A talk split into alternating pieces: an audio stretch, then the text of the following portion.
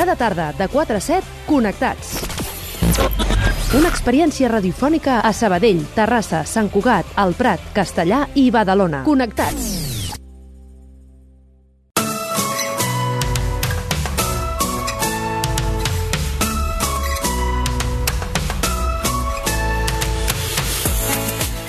L'escriptora Tamara Marín, especialista en novel·les romàntiques, ha fitxat per l'editorial Planeta després de vendre un fart de llibres autopublicats a través d'Amazon. La seva nova obra arriba a les manos, la dinovena porta el segell Essència, que pertany a Planeta, i la fem anar fins a Ràdio Sabadell perquè ens expliqui com ha anat fins aquí. Pau Duran, bona tarda de nou. Bona tarda, doncs ja la tenim a l'estudi i volem descobrir aquests secrets perquè estem una mica bocabadats amb, amb com arriben aquestes coses. Tamara Marín, benvinguda. Hola, bona tarda.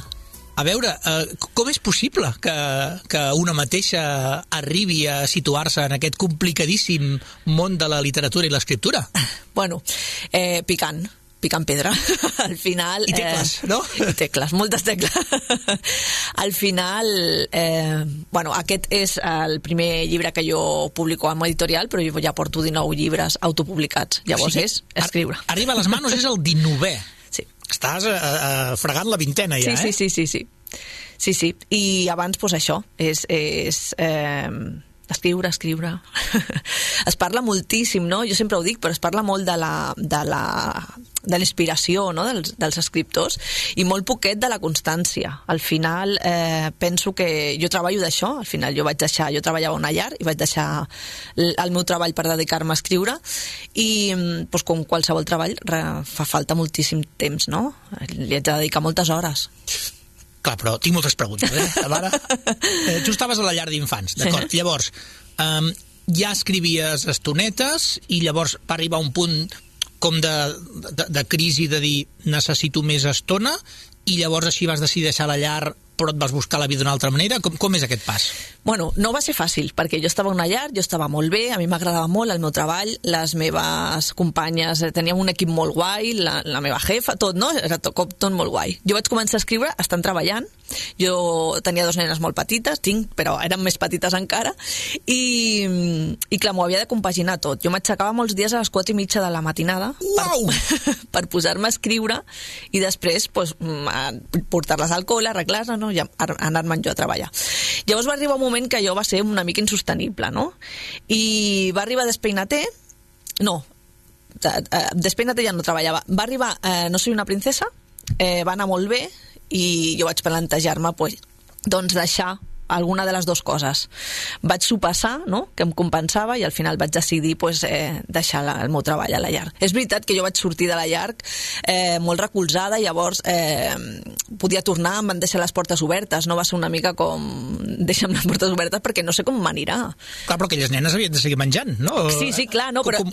la meva jefa em van dir... Jo vaig, eh, vaig deixar-lo un començament de curs, ella va buscar una altra, una altra persona que em substituís i em van dir eh, quan vulguis tornar mm, tu prova, però que les portes les tens obertes. I, i fins avui. I llavors anaves buscant coses que et permetessin estudiar, vull dir, perdona, escriure, o, o ja havies estudiat la situació de dir, bueno, si més o menys aconsegueixo anar fent rendible l'escriptura, doncs arribaré al nivell que necessitem. No, jo vaig deixar el treball ja i em vaig dedicar el 100% a, 100 a escriure. A picar, tu, tu, sí, tu, tu, tu, sí, tu. Sí, sí, sí. sí. I, Totalment. clar, llavors la, la segona pregunta és... Uh, com saps què és el que has de picar, com saps eh, què és el que vols escriure, què és el que d'alguna manera funcionarà, perquè suposo que tu pots escriure coses que tu semblen fantàstiques, però que han de tenir una sortida també, no? Mm -hmm. Jo quan vaig deixar la llar ja, ja portava tres llibres, em sembla, tres o quatre. Llavors eh, vaig continuar, jo continuo amb la línia que és el que a mi m'agrada escriure. Sí que és veritat que algun, en, alguns, en algunes de les meves novel·les m'he sortit una mica, no? Jo sempre he tocat la novel·la romàntica, sempre. Totes les meves novel·les són romàntiques, però és veritat que algunes tenen alguns components diferents, no? com eh, Nick Janhana, que té una mica de fantasia, o Desenmascarando a Luis Conde, que té una mica d'època. De tant en tant, eh, em, em saturo una mica d'escriure contemporani i necessito escriure una altra cosa. Llavors, pues, escric eh, diferent, una mica diferent. I què és el que et va fer triar... No, la meva línia és la romàntica. Bueno, jo penso... A veure, a mi, eh, jo he sigut sempre molt, molt, molt lectora, no? I a mi m'entusiasmava la, la històrica, la històrica, la, no la històrica romàntica, sinó la històrica, no? També m'agrada molt la novel·la negra, però em vaig donar compte que jo estava molt còmode escrivint romàntica, no? Perquè jo, per exemple, quan, quan llegeixo una... Continua passant, eh? Quan agafo una novel·la històrica i em, saturo i, clar, són dures normalment, necessito llegir alguna cosa que em faci sortir d'aquí, no? I, i entre posar-me el cap en un altre lloc i, i d'alguna manera divertir-me i passar una estona bé, no? Pues és una mica el que jo queria, el que jo volia fer, no? Uh, volia transmetre això, no? El, el, el passar una bona estona. I tu quan escrius, encara actualment, et passa que a vegades dius, ostres, ara podria desenvolupar això, però sé que el que funcionarà i, i aquesta mateixa cosa que dius que el públic espera hauria de ser més anar cap allà. No, al final, eh, per exemple, quan, quan surt una mica de lo normal, que és la contemporània, per exemple, la de Desemarcando Luis Conde Unix Giancana, jo sé que m'estic ficant en un lloc... Una, en un jardí. Sí, jo sé que les meves lectores eh, que sempre em llegeixen em diran ui, és que aquí això no és ben bé el que estem acostumades a llegir. Però bueno, penso que mm, hi ha unes altres lectores que els hi agrada la fantasia i que potser les, les agafes amb aquest llibre, no? I, i després sortirà una altra de contemporània que les teves lectores de sempre pues, et continuaran llegint. Has dit que llegia, que ets molt lectora, uh Mhm. -huh. de l'ordre, fas allò d'una mitjana de llibres l'any o mm. alguna així que devies llegir. Un 150 ben bé. L'any? Sí. Sí, sí, sí. O sigui, uh, espera, eh? Que, o sigui, eh, un, un llibre cada do, dos dies, pràcticament. Sí. Sí, sí, sí, sí, jo era super... De fet, des de que escric no, no, llegi, no, no, no, no em dóna per llegir tant, però, però sí, sí. Bueno, aquest mes de, de gener, déu nhi que he llegit eh, 12 llibres, eh? Uau. Sí, sí. I tens dues nenes, eh? I tinc... Sí, sí, sí. Bueno, eh, eh, com a, al meu favor diré que no veig absolutament res de tele. Ah, Res de res. Aquí potser està part diuen, del truco. Quan em diuen, ah, has vist aquesta sèrie? Mm, No. no, no, no, no veig gens. Boníssim. Escolta'm, i com vas descobrir això de- d'autoeditar-se? Uf, això va ser tota una, una aventura, perquè jo vaig... Eh, jo no tenia intenció, cap intenció d'escriure un llibre, eh? Jo em vaig seure un dia, jo tenia una història que tenia al cap des de feia temps, i jo vaig dir, bueno, doncs vaig a seure i vaig a escriure a veure què surt, jo pensant que em sortirien 10 pàgines, no? I em vaig posar a escriure, em vaig posar a escriure, i quan vaig terminar, jo me'n recordo em vaig girar i li vaig dir a la meva parella, dic, doncs em sembla que m'ha sortit un, un llibre. I res, el vaig guardar al calaix perquè eh, ni, ni, no tenia ni idea ni, ni de què fer amb ell, em donava una vergonya absoluta que em llegeix algú, era com, bueno, doncs l'he escrit, no? Però va arribar un moment que em, va, em vaig pensar, ostres, m'agradaria posar-lo una mica bonic, no? Posar-li una portada, fer-li una, una, una cosa que jo digui, ostres, però mira... I vaig estar mirant, no? Vaig estar mirant editorials d'autoedició, vaig eh, enviar un parell i va haver una que em va, em va respondre i la veritat és que des del primer moment vaig tenir molt feeling no, amb aquesta editorial i, mm, i me'n recordo que em van dir que és Rúbric, que és una editorial d'autoedició no? i me'n recordo que em va dir José Manuel em va dir pues, eh, treu-n'hi que si- has de treure 100, edi- 100, 100 números, o sigui, 100 100 exemplars, Sí, això no? mateix, no? I jo li vaig dir 100, dic, però si és que jo no tinc tanta família on fico jo 100 exemplars. No, era com, clar, i, i qui em llegirà a mi si jo... I al final, doncs mira, em va... Vaig, ho, ho vaig fer i, i mira, va ser el primer... Jo crec que Haz que ocurra ja va pel mil i pic però de, de meus, eh? d'exemplars meus que venc jo després a, a Amazon que és on tinc el, el, els ingressos més... pues ja és una altra cosa. I amb això pots viure, eh? Sí. I aquí t'hi ajuden també aquestes editorials d'autoedició o ja ets tu que, que et vas obrint camí? No, eh, jo continuo, eh? La veritat és que eh, s'ha d'anar una mica en compte, eh? Perquè hi ha moltes editorials d'autoedició que, que no són gens de fiar. Jo vaig tenir moltíssima sort, vaig agafar una editorial molt petita, que a més a més Taira, que és la meva editora, eh, ja no és la meva editora, ja és com una amiga, no? Que a més a més eh, jo li, li, li, li pregunto moltíssimes coses de, de, de tot el tema editorial, no? I vaig tenir moltíssima sort, perquè sé companyes que, que s'han ficat i s'han quedat allà atrapades, eh? Clar, deies que t'agradava que tingués una portada i tal. A tot això t'hi dona algun cop de mà algú? O, o... No, no, les portades... Mira, per mi és super, super important, eh, un, quan fas un llibre, super important per dins i per fora, no? Al final, per dins, eh, jo tinc, conto amb... Aquesta editorial té una filòloga que és correctora, que és Rocío, que m'ha corregit tots els meus llibres i amb la que ja tinc molt de feeling, anem molt ràpid ja corregint. I les portades, jo vaig veure una noia, eh, a una escriptora que jo seguia, que li va fer una portada per un Facebook, i vaig contactar amb ella, que és Nerea, i ella ha sigut la que m'ha fet totes les portades de que vaig començar. I llavors els teus llibres eh, s'arriben a traduir mentre t'estan autoeditant? No, no, no, no. El Sí. que sí que he fet amb dos d'ells ha sigut fer audiolibro. Audiolibro sí, Ah. que, sí que he fet de dos. I... Ara està molt de moda, això de l'audiolibro. Sí, no? Sembla que l'àudio, a veure Sí. si la ràdio se'ns enganxa això, perquè va de, de pujada. I arribem al punt en què aquest arriba a les manos, ja està editat amb el segell Essència, que de fet és una de les marques del grup Planeta. Com va passar això? Mira, jo, jo cada vegada que ho penso, perquè clar, jo eh, quan llegia, quan era lectora i no escrivia, eh, jo llegia Megan Maxwell, no? que, que està amb aquest segell, no? I, I la veritat que quan em van portar, quan em van enviar no, el, el meu llibre amb, amb essència a baix, eh, va ser un subidon total.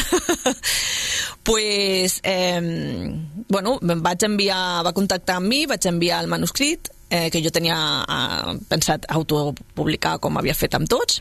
O sigui, no piques la porta, eh? Són Els- ells que et venen a buscar. Sí, els hi va agradar i, i em van dir endavant.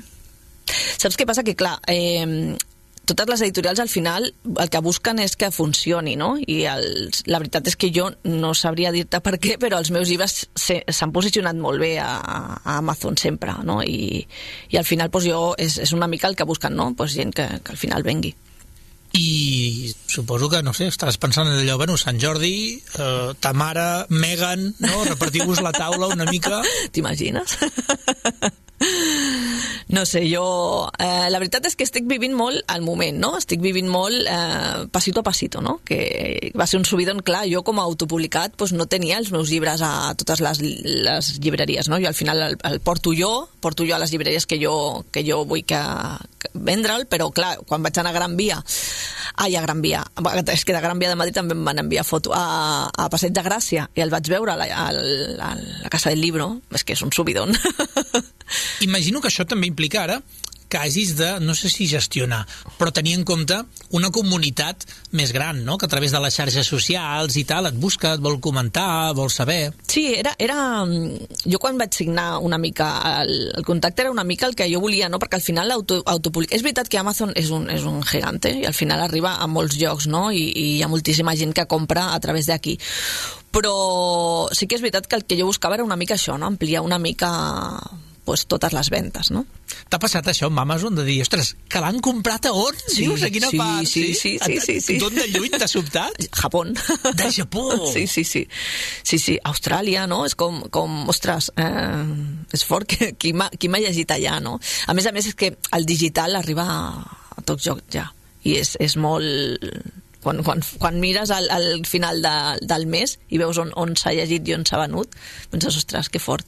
Clar, que això potser ja és normalíssim i en canvi, mm, quan parlem de llibres sempre ens imaginem el paper, no? Clar, clar, sí, sí, no, en digital, eh, de fet, jo... Eh, la meva, la meva, el meu ingrés més gran és pel digital. Que és veritat que és molt més... Eh, ho vens amb, amb, és molt més barat, és molt més... Però, i et queda molt, més, molt menys percentatge, no? Però es ven molt més.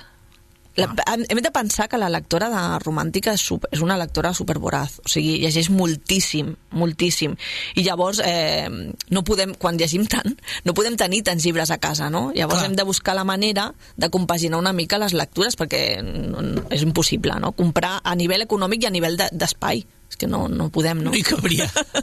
Escolta, dius la lectures... Tu portes un parell de clubs de lectura, també. Porto un parell de clubs de lectura. Com és això? Eh, el 2018 eh, vaig començar el Club de Lectura Xillit. Va ser una idea amb Eli, la directora de la Biblioteca de Ripollet, que m'ho va proposar i jo me lancé, perquè a mi va, va ser com, ostres, pues, si a mi m'encanta llegir, pues a sobre ho puc parlar amb algú. Per mi això era... Fuà.